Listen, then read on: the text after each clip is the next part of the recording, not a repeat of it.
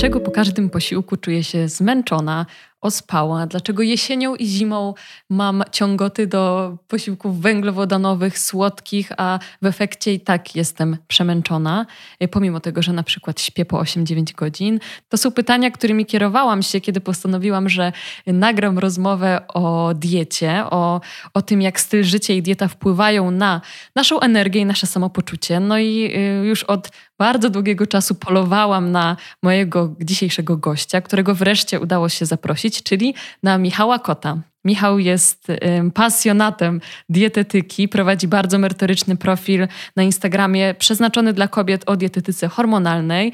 Jest też współautorem suplementów dla marki Health Labs Care i pasjonuje się dietetyką, endokrynologią, tym jak jedzenie, styl życia i hormony przenikają się i wzajemnie na siebie oddziałują. Także to była idealna osoba do tego, żeby poruszyć temat chronicznego zmęczenia i tego, jak możemy za pomocą diety i zmian stylu życia sobie pomóc. Bardzo się cieszę z tej rozmowy i też cieszę się z tego, że powstała ona we współpracy reklamowej z marką Health Labs Care, którą Wam już w poprzednich odcinkach polecałam i jeżeli szukacie akurat sprawdzonych suplementów diety, to z kodem KAMA10 dostajecie 10% zniżki. Oczywiście jak zwykle bardzo dziękuję moim patronom i patronkom, którzy wspierają mnie na Patronajcie. Jeżeli ktoś z Was chce dołączyć, to odsyłam do opisu odcinka. Tam jest link do subskrypcji comiesięcznej na Patronajcie, w ramach której dostajecie newsletter ze świata kultury, także myślę, że naprawdę warto. I jeszcze raz wielkie dzięki dla tych, którzy już w tym gronie się znajdują.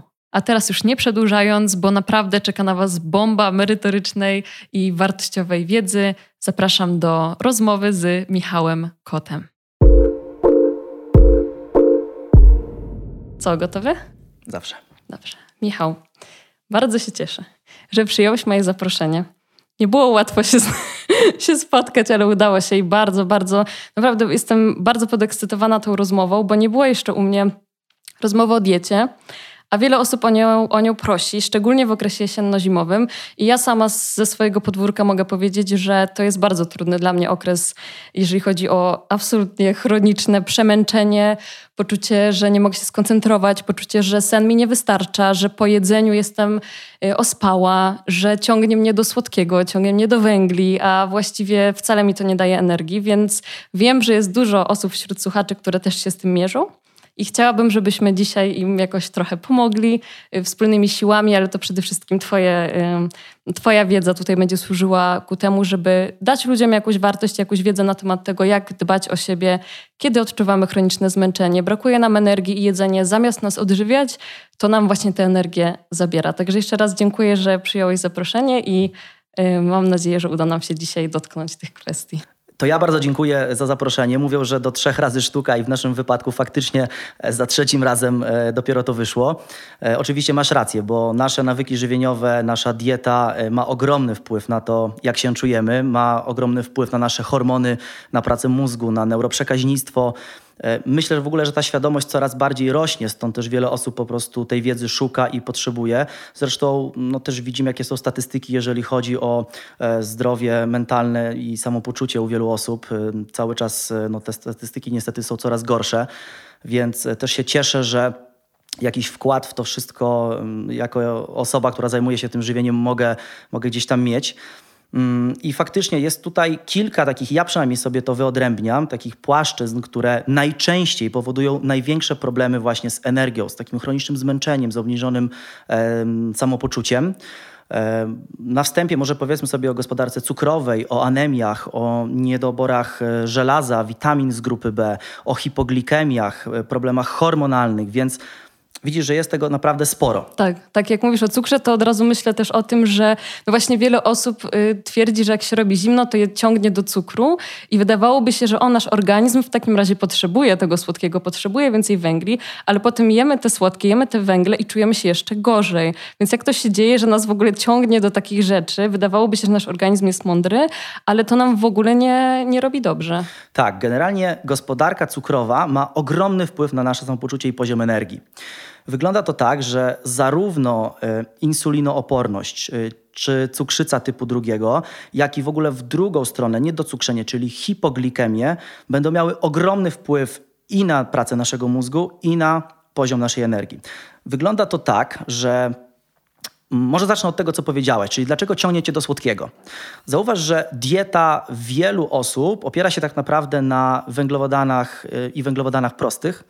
E, ja wiem, że o tym się już bardzo dużo słyszy, jednak wygląda to tak, że im więcej cukrów prostych jemy, tym więcej insuliny, jest mocniejszy wyrzut insuliny. Insulina jest hormonem, który pakuje tą glukozę do tkanek. Więc jeżeli jemy dużo cukrów prostych, następuje duży wyrzut insuliny, a ten duży wyrzut insuliny powoduje, że szybko ta glukoza nam spada, bo szybko ta insulina pakuje ją w te tkanki, prawda? Więc jeżeli mamy nagły pik glukozy i dynamiczny spadek, to nasz organizm zaczyna to odczuwać.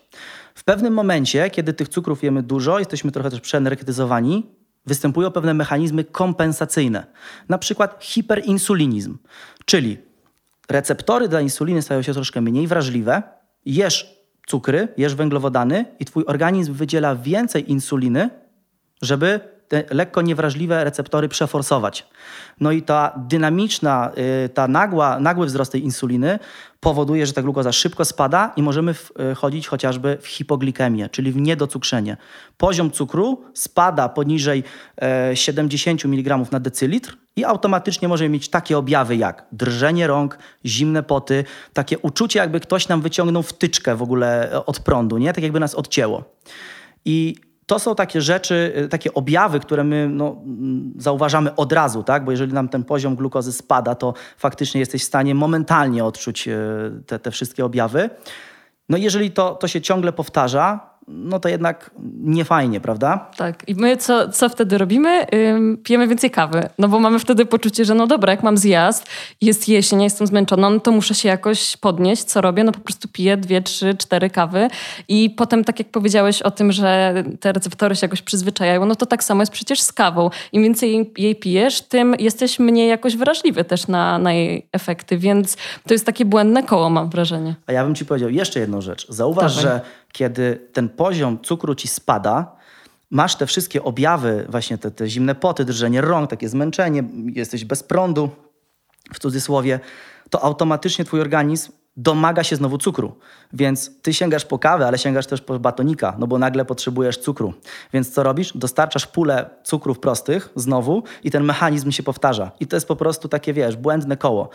I zwróć uwagę, jak same cukry proste mogą nam tutaj namieszać i faktycznie na to samopoczucie e, wpływać, ale to też jest bardzo częsty mechanizm, e, który powoduje, że my do tego cukru wracamy. Ten poziom glukozy rośnie, spada, rośnie, spada i po prostu ta, te różnice pomiędzy pikiem a spadkiem są duże. Automatycznie twój organizm się od razu domaga tej glukozy, tego cukru. Więc Tutaj naprawdę fenomenalnym rozwiązaniem jest e, zmniejszenie udziału cukrów prostych w diecie, mm, zamiana mhm. ich na węglowodany złożone, tak, na przykład, nie wiem, e, kasze, ryż, pieczywo pełnoziarniste, ale również zadbanie o podaż na przykład błonnika, zwiększenie ilości białka w diecie. Dlatego, że naszym zadaniem jest utrzymać stabilny poziom glukozy przez cały czas i nie pozwalać, żeby ona jakoś nam bardzo mocno rosła, ani bardzo mocno spadała, bo zarówno zbyt dużo, jak i zbyt mało jest tutaj problematyczne. Tak, i teraz y, przypomina mi się, jak miałam okres, kiedy jadałam cały czas owsianki, ale to takie, wiesz, klasyczne owsianki z samymi owocami i się dziwiłam, dlaczego ja po godzinie jestem mega już głodna, więc, bo myślę, że wiele osób, jak słyszy cukry proste, to myśli o przetworzona żywność, a przecież to nie jest tylko to, więc może możemy też powiedzieć o tym, czym są te zamienniki, właśnie czym się różnią, y, żeby po prostu podać takie konkretne przykłady tego, czym są te węglowodany złożone, a w porównaniu do cukrów prostych? I jak może właśnie wyglądać taki posiłek, który no, nie będzie nam dawał takiego wyrzutu właśnie cukru, że potem jesteśmy senni po godzinie. Faktycznie, ta owsianka jest takim e, klasycznym tak. przykładem, tak. bardzo często podawanym, e, ale masz 100% racji. Tak jakby od razu chcę zaznaczyć, że to nie jest tak, że my nie możemy jeść e, węglowodanów prostych, bo możemy, natomiast problem robi się, kiedy faktycznie ta dieta opiera się na tych węglowodanach prostych, a u wielu osób tak jest. I na przykład mamy posiłek A, który może powodować problem, czyli właśnie ta wspomniana owsianka, na przykład jeszcze na mleku. Generalnie mleko też działa insulinogennie. Mm, dodatkowo właśnie jakiś banan, winogronek, nie wiem co tam sobie lubisz dorzucać. No i faktycznie brakuje tam na przykład rzeczy, które mogą trochę spowalniać yy, uwalnianie tej glukozy, na przykład jakichś orzechów, tak?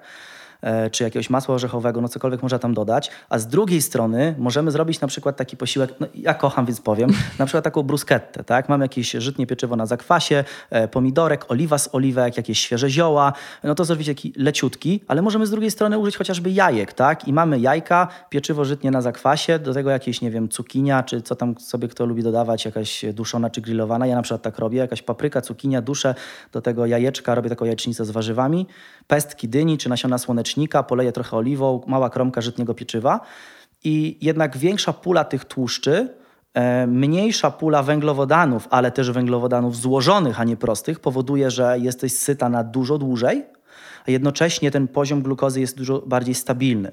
Też od razu chciałbym przestrzec, bo jest tak, że jeżeli mamy osobę, która jest zaadoptowana do jedzenia tych cukrów prostych, tych węglowodanów, i nagle przechodzi na posiłki białkowo-tłuszczowe, bo często tak jest, że kobiety wyczytają sobie w internecie białko tłuszcz, białko tłuszcz i jest tylko białko tłuszcz i wchodzą w ten białko tłuszcz i też zaczynają wpadać w, hipo, w hipoglikemię, bo mają za mało tej glukozy. Organizm nie jest przyzwyczajony do tego, żeby korzystać z tych tłuszczy tylko i wyłącznie. Więc e, posiłki białkowo-tłuszczowe to są narzędzia, a jak wiemy, narzędzia używamy kontekstowo, tak? Czyli jak mamy wbić gwoździa, to używamy młotek, a nie używamy, y, nie wiem, wiertarki, tak? Więc, y, czy tam jakiegoś innego narzędzia. Także ono musi być dobrze dobrane do osoby. Stąd jeżeli Y, nagle chcemy zmienić udział węglowodanów, zmniejszyć udział węglowodanów, wejść na białkowo-tłuszczowe posiłki, to warto nawet tą kromeczkę żytniego pieczywa na zakwasie sobie dołożyć do takiego posiłku. Okej, okay, czyli nie jesteś zwolennikiem całkowitej eliminacji węglowodanów, bo węgle to zło. No bo myślę, że wiele osób właśnie ucieka w to, że teraz tylko białkowo-tłuszczowe rzeczy, bo po węglach, albo dieta keto, y, a to przecież też jest jakaś przeginka w drugą stronę, więc y, ja jakoś jestem zwolenniczką tych rozwiązań pomiędzy, a nie tych radykalnych, ale jestem ciekawa, jak ty do tego podchodzisz właśnie w kontekście energii. Czy uważasz, że kluczem jest właśnie zbalansowanie, czy są też jakieś inne aspekty albo jakieś grupy y, produktów, które ty absolutnie odradzasz, żeby były w diecie, która ma służyć temu, żebyśmy no, mieli jakąś żywo- siłę witalną i żywotność? Wiesz co, ja staram się w ogóle wprowadzać do mojej codziennej praktyki dużo takiego obiektywizmu i e, to jest generalnie tak, że zobacz, wszystko czemuś służy. Na przykład, y, jeżeli chodzi o węglowodany, broń Boże, ich nie demonizujemy. One są szybkim źródłem energii, które często jest nam potrzebne. Jeżeli mamy kobietę aktywną, która, nie wiem, idzie na trening, fitness, jakieś, nie wiem, intensywne bieganie i na posiłkach białkowo-tłuszczowych jednak często tej energii będzie brakowało. Brakuje tego paliwa bo z węglowodanów szybciej tę energię czerpiemy. Więc automatycznie u osób, które mm, gdzieś tam siedzą w sporcie, zwiększony udział węglowodanów raczej będzie lepszym pomysłem. Ale na przykład osoby, które, nie wiem, pracują siedząc, pracują intelektualnie, e, no to wiesz, obiadanie się tymi węglowodanami e, nie będzie dobrym pomysłem. Także ja nie jestem ani za dietami czysto białkowo-tłuszczowymi, keto, ani za jakimiś wysokowęglowodanowymi. Powtórzę to, co powiedziałam o tych narzędziach. Dobierz narzędzie do osoby. I uwierz mi, że w praktyce naprawdę wiele razy spotykałem się z tym, że czasami małe zmiany u osoby A względem osoby B powodowały, że jednak ta druga osoba czuła się dużo, dużo lepiej. Także ja nie, nie, nie lubię schematów. Ja uważam, że generalnie w dietetyce mamy pewne uniwersalia, y, które są, tak jakby tyczą się każdego, no bo mamy tą samą fizjologię, tak samo działają nas hormony, więc y, wiemy, co jest tam względnie dobre czy złe. Na przykład, nie wiem, no wystrzegamy się tłuszczów trans, tak, i wiemy, że one są złe. Natomiast jeżeli chodzi już o rotację makro, wprowadzanie różnego rodzaju fitozwiązków, czy jakieś modulacje, y, czy wykluczenia, eliminacje w dietach, robimy to naprawdę pod osobę. Jasne, jasne. No tak, no bo myślę, że jest taka moda Myślę, że nadal trwa ta moda demonizowania glutenu na przykład, więc a jeżeli my nie mamy wiedzy na temat tego, czy my w ogóle te celiakie mamy, czy nie i wyeliminujemy i potem na przykład wrócimy do tego drastycznie, no to nasze jelita mogą oszaleć, y, więc mówiąc o jelitach też od razu myślę o tym, co ty, o, o czym ty często na swoich socialach piszesz, czyli o diecie śródziemnomorskiej, bo wydaje mi się, że to jest, y, że to się dosyć bezpośrednio łączy z tą dietą, która dodaje energii, czyli dietą y, pełną polifenolu tak, tak, tak. Wiesz co, generalnie dieta śródziemnomorska, to też jest bardzo ciekawe, jest uznawana za jeden z najzdrowszych modeli żywienia na świecie. E, I na przykład zobacz, mówisz o glutenie, ja powiem ci o nabiale, bo nabiał Dobra. jest częścią diety śródziemnomorskiej, tak? A jednak osoby, które żyją najdłużej na świecie, e, wszystkie te błękitne miejsca e, ze stulatkami powyżej, no to jednak nabiał jest w umiarkowanych ilościach właśnie w tej diecie śródziemnomorskiej, której ci ludzie używają. Więc czy nabiał jest dobry czy zły? I znowu, jedny może szkodzić. Jak jest za dużo nabiału, masz e, aspekt, jakiś problem z trądzikiem i faktycznie e, nabiał może tu powodować problem, czy masz jakąś intolerancję laktozy, no to u ciebie będzie to problematyczne. Ale u drugiej osoby, która nie ma problemu z cero, nie ma nietolerancji laktozy, używa go umiarkowanie, może być fantastycznym narzędziem w diecie, tak? Więc e, wszystko ma te plusy i minusy. I trzeba to używać kontekstowo. Dobrze, to może opowiedzmy o tym, jak wygląda ta dieta śródziemnomorska, y, bo ja nie wiedziałam, czym są polifenole. Też y, obce było mi na przykład pojęcie stres antyoksydacyjny, co wyczytałam na Twoim blogu, więc może opowiedzmy też o tym właśnie, jakie produkty, co konkretnie właśnie sprawia, że ludzie czują się po jedzeniu dobrze. Ja bym chciała e, wiedzieć dla siebie nawet. Dobra, to jeżeli chodzi o samą dietę śródziemnomorską, to faktycznie ona ma dość duży udział produktów roślinnych. I te trudne słowo, które powiedziałaś, czyli polifenole, są to związki zawarte w produktach roślinnych. Jest szeroka gama tych polifenoli o naprawdę fikuśnych nazwach, więc ja bym nie chciał tutaj tego wszystkiego przytaczać. Jasne. Natomiast te polifenole bardzo fajnie wspierają naszą mikrobiotę jelit, bo też odżywiają tą mikrobiotę jelit, ale też wchodzą w interakcję z tą mikrobiotą, bo nasza mikrobiota troszkę tak w cudzysłowie przerabia te polifenole, wytwarza pewne metabolity, które w naszym organizmie działają bardzo korzystnie. Na przykład zmniejszają stan zapalny, zmniejszają ten stres oksydacyjny, a ten stres oksydacyjny to jest nic innego jak nierównowaga pomiędzy oksydantami a antyoksydantami. I ja bardzo często podaję przykład, że możesz sobie to porównać do e, dwóch walczących armii. Antyoksydanty, czyli antyterroryści i oksydanty, czyli terroryści, nie? No i wiesz, jak nie dostarczasz z dietą tych antyoksydantów, chociaż masz też enzymy wewnętrzne, ale to już nie będziemy wchodzić w biochemię głęboko, e, ale dieta też na nie bardzo wpływa, mm, no to automatycznie robi się dużo tych terrorystów. Więc jak masz dużo terrorystów w państwie, a mało policji, no to wiesz, co się dzieje. No i to samo jest w naszym organizmie. To też wpływa na samopoczucie, na pracę mózgu, na serce, na naczynia krwionośne, więc to jest generalnie ten stres oksydacyjny bardzo niekorzystny. Dlatego ta dieta śródziemnomorska faktycznie dostarcza nam licznych e, związków o działaniu antyoksydacyjnych, w tym polifenoli, ale też oliwa z oliwek zawiera te antyoksydanty, a oliwa z oliwek jest takim fundamentem, jeżeli chodzi o śródziemnomorską dietę. Z tym, że chciałbym powiedzieć, że znowu nie dla każdego będzie taka dieta śródziemnomorska. Bo jak mamy na przykład osobę, która ma SIBO, czyli przerost bakterii w jelicie cienkim, no to wiele produktów takich wysoko fermentujących jednak trzeba będzie z tej diety wyrzucić. Więc tu widzisz, znowu wchodzi ten aspekt indywidualizacji.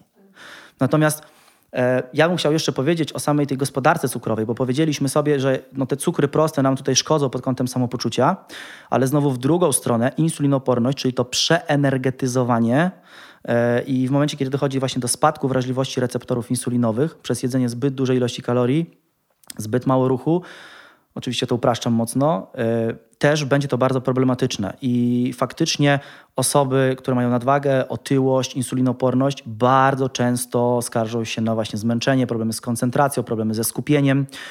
Tu jest też bardzo ciekawy case insuliny, bo sama insulina e, wpływa na pewne transportery aminokwasów do mózgu i mówi się tutaj o tym, że e, w momencie, kiedy mamy wysokie wyrzuty insuliny, zbyt dużo tej insuliny, to mniej mamy dostępnej tyrozyny dla dopaminy, a mamy więcej tryptofanu dla serotoniny i melatoniny, przez co może nas to też y, usypiać. Jest to pewien hipotetyczny mechanizm. E, także faktycznie w praktyce bardzo często się to obserwuje. Jak masz insulinoporność, masz osobę, która ma nadwagę, otyłość, to praktycznie jeden do jednego idzie to właśnie z takim przewlekłym, chronicznym zmęczeniem. Wow. A można mieć insulinooporność będąc szczupłym? Tak, okay. można mieć i tutaj właśnie nawet ostatnio o tym pisałem, że tak naprawdę e, wiele różnych czynników, bo sam stres, kortyzol, stres oksydacyjny, stany zapalne, e, nadmiar tłuszczów nasyconych w diecie też mogą się przyczyniać do spadku e, wrażliwości receptorów insulinowych, więc faktycznie takie mechanizmy też tutaj występują i mogą się przyczyniać do pogorszenia działania tej gospodarki węglowodanowej. Wow, no ja też na pewno to zaobserwowałam w ostatnim czasie, że kiedy tak trochę nie dojadam, nie, że się głodzę, tylko tak trochę nie dojadam, że przestaję jeść wtedy, kiedy jeszcze nie jestem pod korek, to naprawdę nie mam tych spadków. I dla mnie to jest jakieś wielkie odkrycie w wieku 26 lat, że można, y, bo przyzwyczaiłam się do tego, że jak coś mi smakuje, no to chcę tego jeść jak najwięcej, aż będę czuła, że już nie mogę.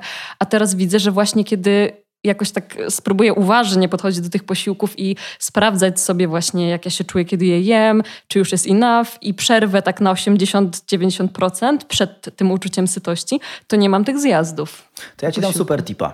Dawaj. Myślę, że wiele osób z tego skorzysta.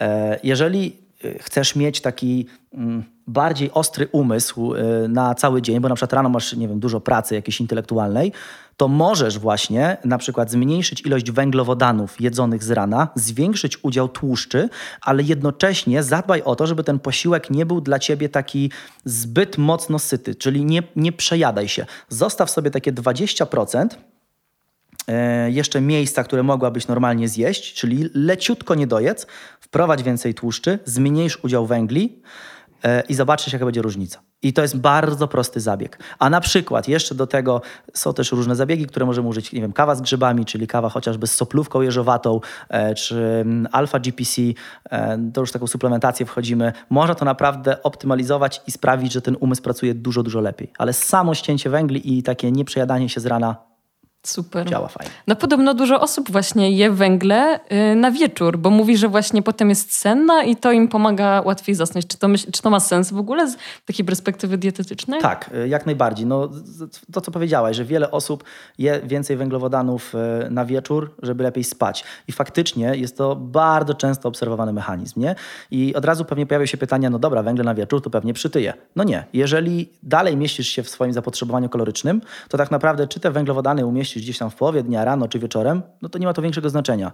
Jeżeli się przejadasz, jeżeli przekraczasz swoje zapotrzebowanie, no to wtedy nie licz, że to wiesz, pójdzie gdzieś tam w eter, nie? W kosmos. No tak, nie, no nie, tak. Nie. Ale to czekaj, dla przykładu, y, jak mówimy o tych śniadaniach, w których jest trochę mniej węgli, oprócz tego śniadania, o którym ty powiedziałeś, to może mamy jakieś przykłady takich posiłków właśnie wysoko, wysokotłuszczowych, ale zdrowe hmm. tłuszcze, niżej węglowodanowych, jednocześnie bezmięsnych. Bo dużo moich słuchaczy nie je mięsa, ja też nie jem mięsa. mówimy o śniadaniach? Tak, mówimy o śniadaniach. No to słuchaj, sama szakszuka na przykład. Hmm. Bierzesz sobie szakszukę ze świeżymi ziołami. No i jakaś pasata pomidorowa, e, dwa jajeczka, świeża bazylia albo e, kolendra. Nie każdy lubi, bo niektórym mydłem pachnie, ale ja na kocham przykład ja też kocham. Jezu, jak super. Ja w ogóle co, jak mam kolendrę w domu, to zaraz jej nie mam, bo zjadam do wszystkiego. E, także widzisz, dajesz sobie świeże zioła, czyli to też daje ci pewne antyoksydanty, kwasy fenolowe, ciekawe fitozwiązki. Dajesz sobie do tego jakieś przyprawy, może dać kurkumę, e, może sobie dać grubomielony pieprz, tak? czyli doprawia, żeby ci to smakowało.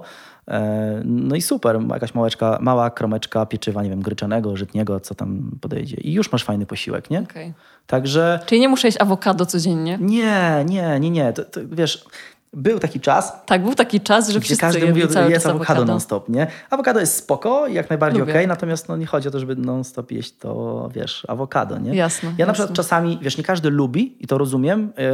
Yy, można sobie zrobić taką ala małą miskę polifenoli, te moje kochane polifenole Czyli bierzesz sobie, nie wiem, jakąś zieleninę, polewasz oliwą z oliwek, jakiś serfeta, pomidor, czy ale taka grecka sałatka możesz sobie zrobić, jakieś kaparki, jak lubisz, e, pestki, nasiona czy orzechy i też będziesz miała tutaj więcej tłuszczy, tak? E, będziesz bardziej syta, ten posiłek będzie w miarę lekki, no i też można zastosować. Nie każdy lubi, wiem, że takie sałatkowe posiłki, no ale jest to jakaś opcja, tak? I niektórym naprawdę super podchodzą. Super, mega inspirujące dla mnie też, ale chciałabym się też zatrzymać przy jelitach, bo myśl, wydaje mi się, że to jest bardzo ważne.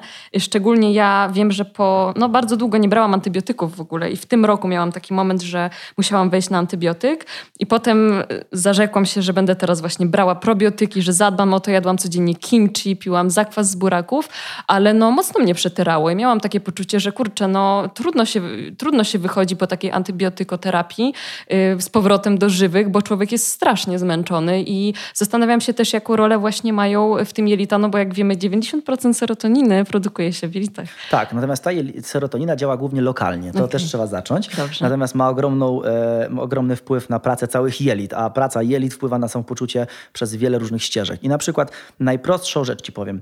E, no tak naprawdę mówi się, że jesteś tym, co jesz. Ja często często powtarzam, że jesteś tym, co wchłaniasz, nie? Tak. Więc e, zobacz, neuroprzekaźniki, mózg, e, hormony potrzebują wielu różnych związków, które dostarczasz no skąd? No z dietą.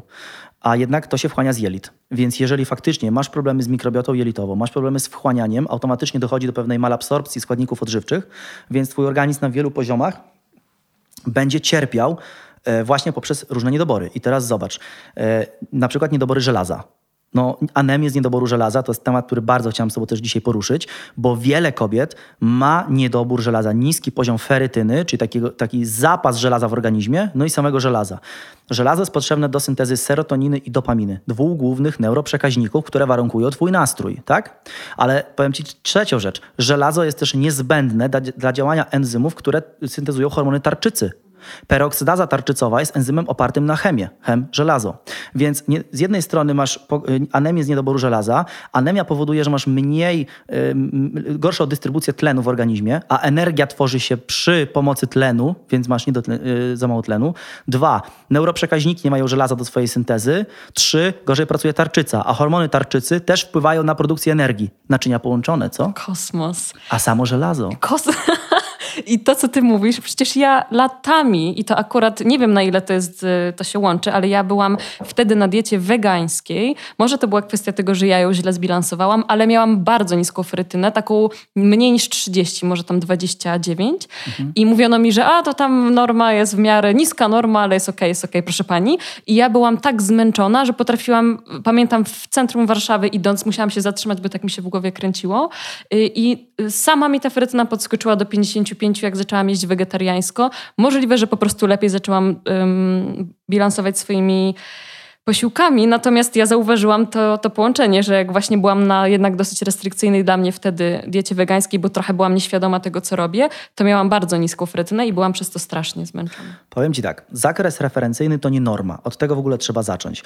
To Ty miałaś tą ferytynę i tak względnie, względnie okej. Okay. Dlatego nie chcę powiedzieć okej. Okay. Inaczej, e, dużo osób przy tej ferytynie, przy odpowiednim poziomie żelaza czuje się jeszcze dobrze. Są e, kobiety, które mają ferytynę 7, 8, wow. 9, 11 i często też one słyszą, że nie wiem, mają 15 ferytynę i że jest ok, ale objawy występują i się tego nie łączy, nie? No i to jest problem. E, wiesz, patrzymy na człowieka, patrzymy na to, jak się czuje, patrzymy, co się z nim dzieje, bo pamiętaj, że wynik to tylko cyfra, nie? I są osoby, które z taką ferytyną jak ty będą czuły się jeszcze dobrze, a są takie, które będą miały 21, 22 i już będą miały jakiś problem i będą zgłaszały te objawy. Dlatego jak idziesz do mądrego lekarza, to zawsze powinien spojrzeć na wyniki, na objawy i połączyć to, porozmawiać z tobą, e, zrobić wywiad i tak naprawdę dopiero ten całokształt daje faktycznie jakiś pełniejszy obraz tego, gdzie może leżeć problem, nie? Ale faktycznie, jeżeli chodzi o e, kobiety, wiesz, ja pracuję tylko z kobietami, faceci są nudni, więc ich nie przyjmuję. to bardzo, bardzo dużo kobiet ma problemy właśnie z żelazem, problemy z ferytyną. E, ale wiesz, to nie jest tylko brak energii, to też to wypadanie włosów, to jest bladość skóry, nie? To jest problem z koncentracją, ze skupieniem, z nauką, z zapamiętywaniem. To, to jest bardzo szeroka paleta różnego rodzaju objawów. Tak, tak, tak. I y, to, to naprawdę bardzo uprzykrza życie i jest frustrujące, kiedy właśnie nie do końca wiesz, co się dzieje. I teraz wrócę na chwilę jednak do jelit, bo wydaje mi się, że dużo osób, y, to nie jest aż tak proste diagnostycznie, że idziesz tak jak mierzysz sobie ferytynę czy witaminę D3 i dostajesz ten wynik i coś z tym robisz. Tylko z jelitami mnóstwo osób przecież myśli od razu, że ma IBS, że no jakby bardzo szybko um, przechodzi do takich konkluzji, a może się okazać, że tam coś innego nie gra, albo że właśnie odpowiednia probiotykoterapia czy jedzenie kiszonek pomoże, więc może też możesz o tym opowiedzieć, z jakimi ty się przypadkami spotykasz, kiedy osoby wiecznie zmęczone to tak naprawdę osoby, u których coś z jelitami nie gra. Tak. E, zanim odpowiem na to twoje pytanie, to jeszcze a propos samych jelit, trzeba wiedzieć, że jeżeli mamy zmienione środowisko mikrobiologiczne w jelitach, to aminokwas tryptofan, z którego później tworzy się serotonina między innymi, w tym zaburzonym środowisku mikrobiologicznym może przemieniać się i iść w ścieżki, które będą negatywne dla naszego układu nerwowego, naszego mózgu, bo wytwarzają się pewne metabolity z tego tryptofanu, które są neurotoksyczne. To też jest ciekawostka. Także ta mikrobiota jelit odgrywa tutaj też e, dość dużą rolę.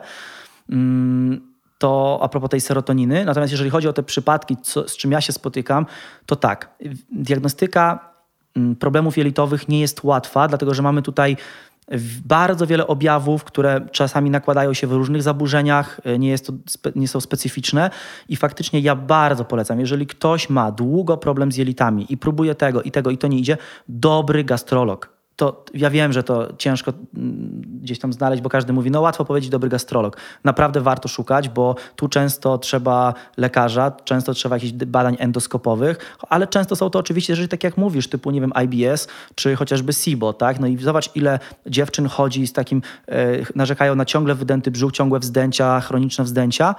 Mm, no i to się dzieje miesiąc, dwa, pół roku, rok, dwa i nic z tym się nie robi, a to jednak w gigantycznym stopniu wpływa właśnie na nasze samopoczucie, na poziom energii, na wchłanianie różnego rodzaju związków z tych jelit, a wystarczy na przykład zrobić test wodorowo-metanowy i zobaczyć, czy nie mamy tam problemu właśnie z SIBO.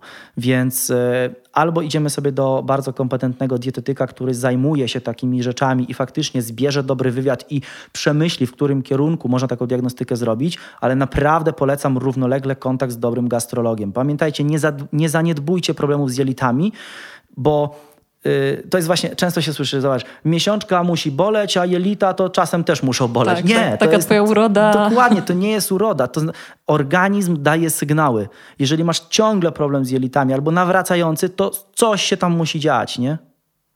Szukamy, zawsze szukamy.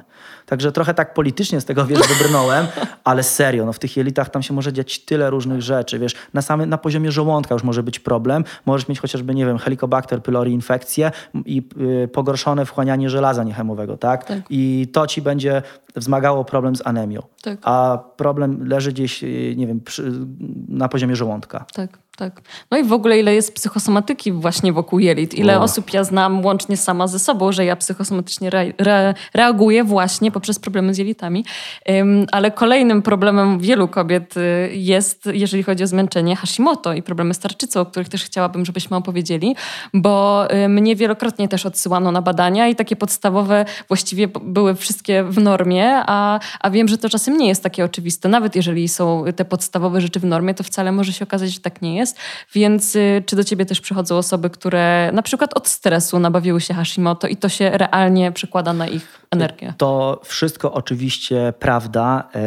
Stres może się przyczyniać do właśnie zaostrzenia chorób autoimmunologicznych i do, jeżeli masz predyspozycję do wystąpienia e, tych chorób. I tak, z tarczycą bardzo dużo ludzi przychodzi. Wiesz, generalnie u większości osób, z tego co ja zauważam, nakłada się wiele rzeczy. Możesz mieć chociażby insulinoporność, niedoczynność tarczycy i anemię z niedoboru żelaza. Wiesz, no masz wtedy takie kombo. Wiesz, jak ty się czujesz? Ja nie chcę tego mówić do mikrofonu, no bo, ale myślę, że każdy, kto nas słucha, to się domyśli. Tak.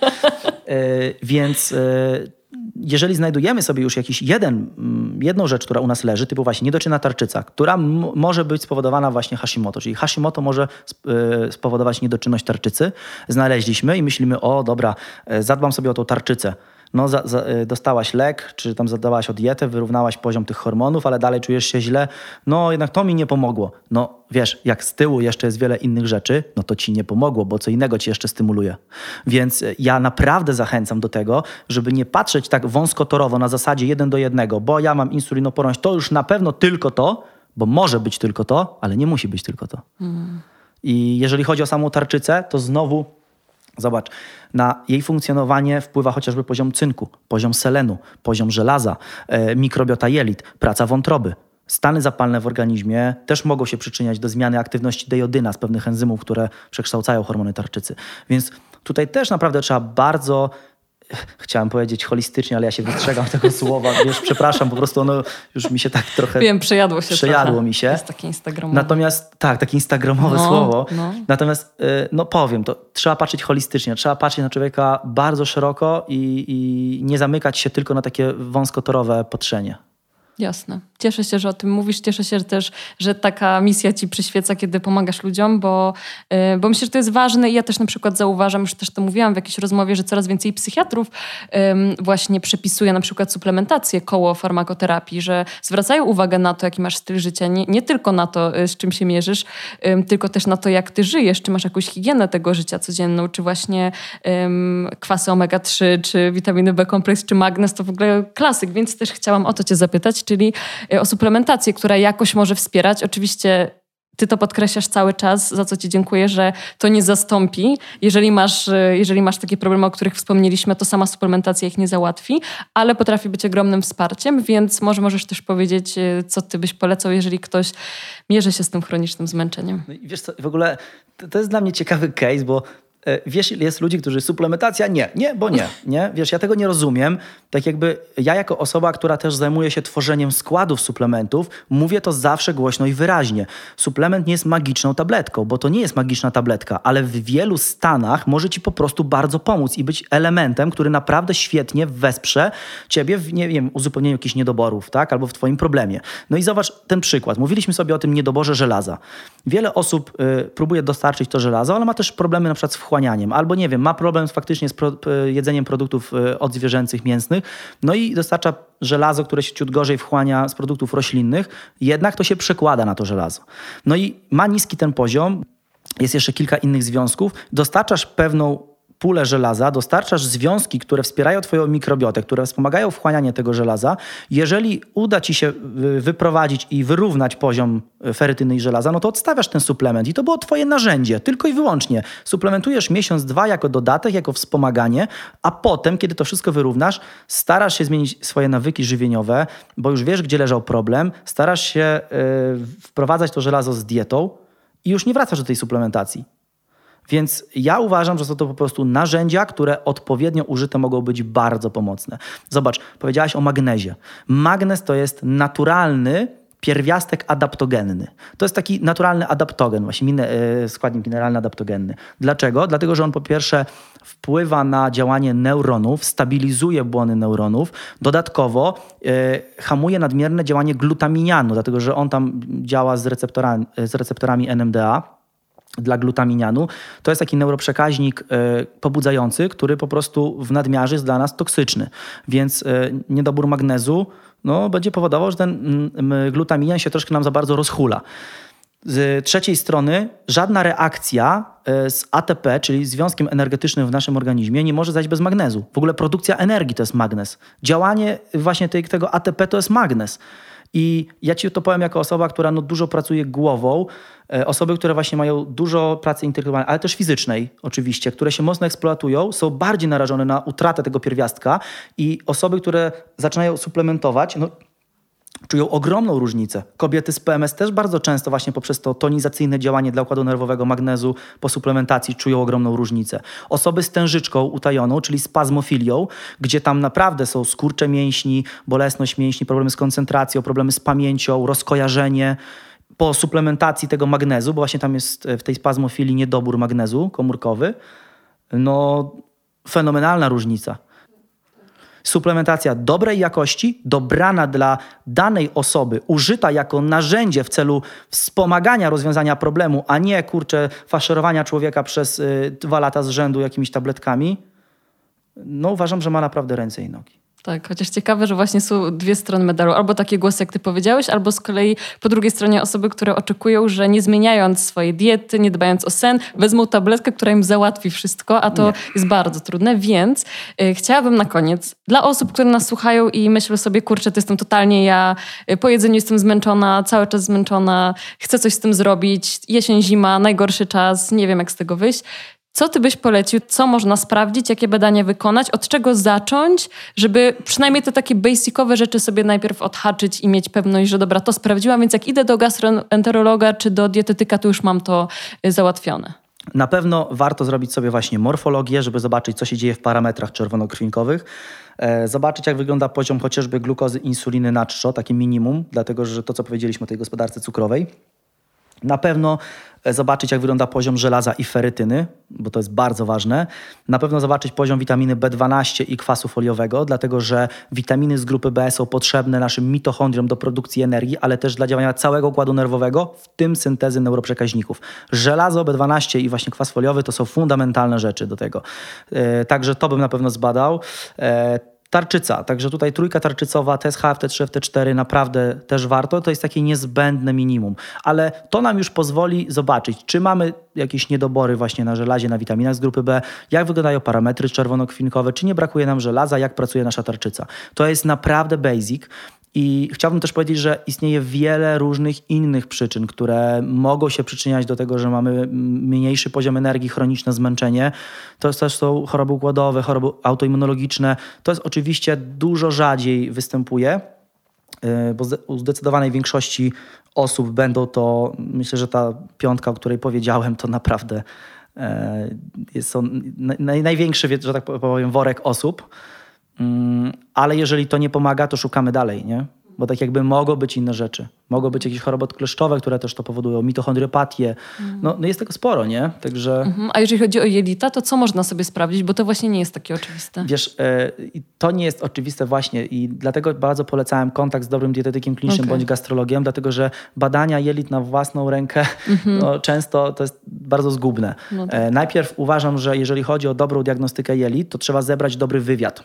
Wiesz, bo e, po samym wywiadzie już możecie to nakierować, w którym kierunku ta diagnostyka powinna pójść, tak? Bo wiesz, dam ci przykład. Nie wiem, masz, coś się dzieje z żołądkiem, no to możemy pomyśleć, może, a może jakiś helikobakter, a może jakiś problem z kwasem solnym, tak? Nie wiem, masz e, ciągłe wzdęcia, może to jest SIBO, masz, kurczę, jakieś wodniste biegunki, może jakieś infekcje, więc osoba, która jest kompetentna, przeprowadzi z tobą wywiad, zobaczy, co się u ciebie dzieje i pomyśli. Dlatego najlepszą osobą będzie tutaj faktycznie dobry gastrolog. Okej, okay, okej. Okay. A potem oczywiście no, dobry dietetyk, bo tak jakby jelita i dieta to jest jeden do jednego, więc yy, przy podejściu do problemów z jelitami to jest taka, ja się nazywam, nazywam to świętą trójcą. Jest yy, pacjent, dietetyk i lekarz. Mm, nie? Super. Wiesz, bo często lekarz nie ma kompetencji do końca dietetycznych, E, często dietetyk się, często, no dietetyk nie ma na przykład możliwości zrobienia ci badań endoskopowych, jeśli są potrzebne na biedny pacjent po prostu musi trafić na taką dwójkę, która się nim dobrze zajmie. No. Tak, tak. No to tak samo jest w zdrowiu psychicznym. Jak leczysz się psychoterapeutycznie i farmakoterapią, no to potrzebujesz i dobrego psychiatry, i dobrego psychoterapeuty, a nie tylko jednego. Więc dziękuję, że o tym mówisz. I w ogóle dziękuję za ogrom twojej wiedzy, którą tutaj teraz możemy za darmo ludziom przekazać, bo y, to jest naprawdę potężna dawka wiedzy naprawdę jestem bardzo wdzięczna też za to, co robisz na swoich socialach i co robisz w HealthLabsie, bo ja z tego też korzystam i czytam i chłonę i jest to dla mnie wartościowe, więc wierzę też, że dla naszych słuchaczy i słuchaczek będzie wartościowe. Ogromna wdzięczność dla Ciebie. Bardzo dziękuję. Ja zawsze mam taki niedosyt, bo wiesz, ja bym chciał powiedzieć jeszcze o tylu rzeczach, że musielibyśmy tu chyba siedzieć do, do białego rana, e, no ale mam nadzieję, że komuś się ta wiedza faktycznie przyda i nie bagatelizujcie swoich objawów, naprawdę. E, to nie jest niczyja uroda, że nie masz energii, że bolą cię jelita, że mm, kurczę jest PMS. Nie, to nie jest normalne i szukamy, a dużo da się zrobić. Super. Ja na pewno e, zalinkuję w opisie do Twojej strony internetowej, bo tam jest blog, na którym możecie przeczytać mnóstwo, mnóstwo e, merytorycznych artykułów. Bardzo dziękuję Tobie, Michał, i, no, i żeby nam ta jesień nie dała w kość. Może w tym roku zadbamy. Tego każdemu siebie. życzę. Wielkie dzięki za zaproszenie. dzięki. Na dzisiaj to już wszystko. Bardzo Wam dziękuję za przesłuchanie naszej rozmowy do końca. Jeżeli jesteście dalej głodne, głodni wiedzy, to odsyłam do opisu. Tam linkuję do strony Michała, do jego sociali, do jego bloga, gdzie znajdziecie bardzo dużo wartościowych treści na temat właśnie y, diety, hormonów i samopoczucia. Jeszcze raz wielkie dzięki dla marki Health Lab Scare, która postanowiła objąć ten odcinek patronatem. Jestem bardzo wdzięczna. A Wam dziękuję za to, że zostaliście z nami do samego końca i odsyłam na na Instagram, jeżeli chcecie wejść w jakąś dyskusję czy podzielić się swoimi refleksjami. Sznurowadła.myśli niezmiennie bez polskich znaków. Dzięki.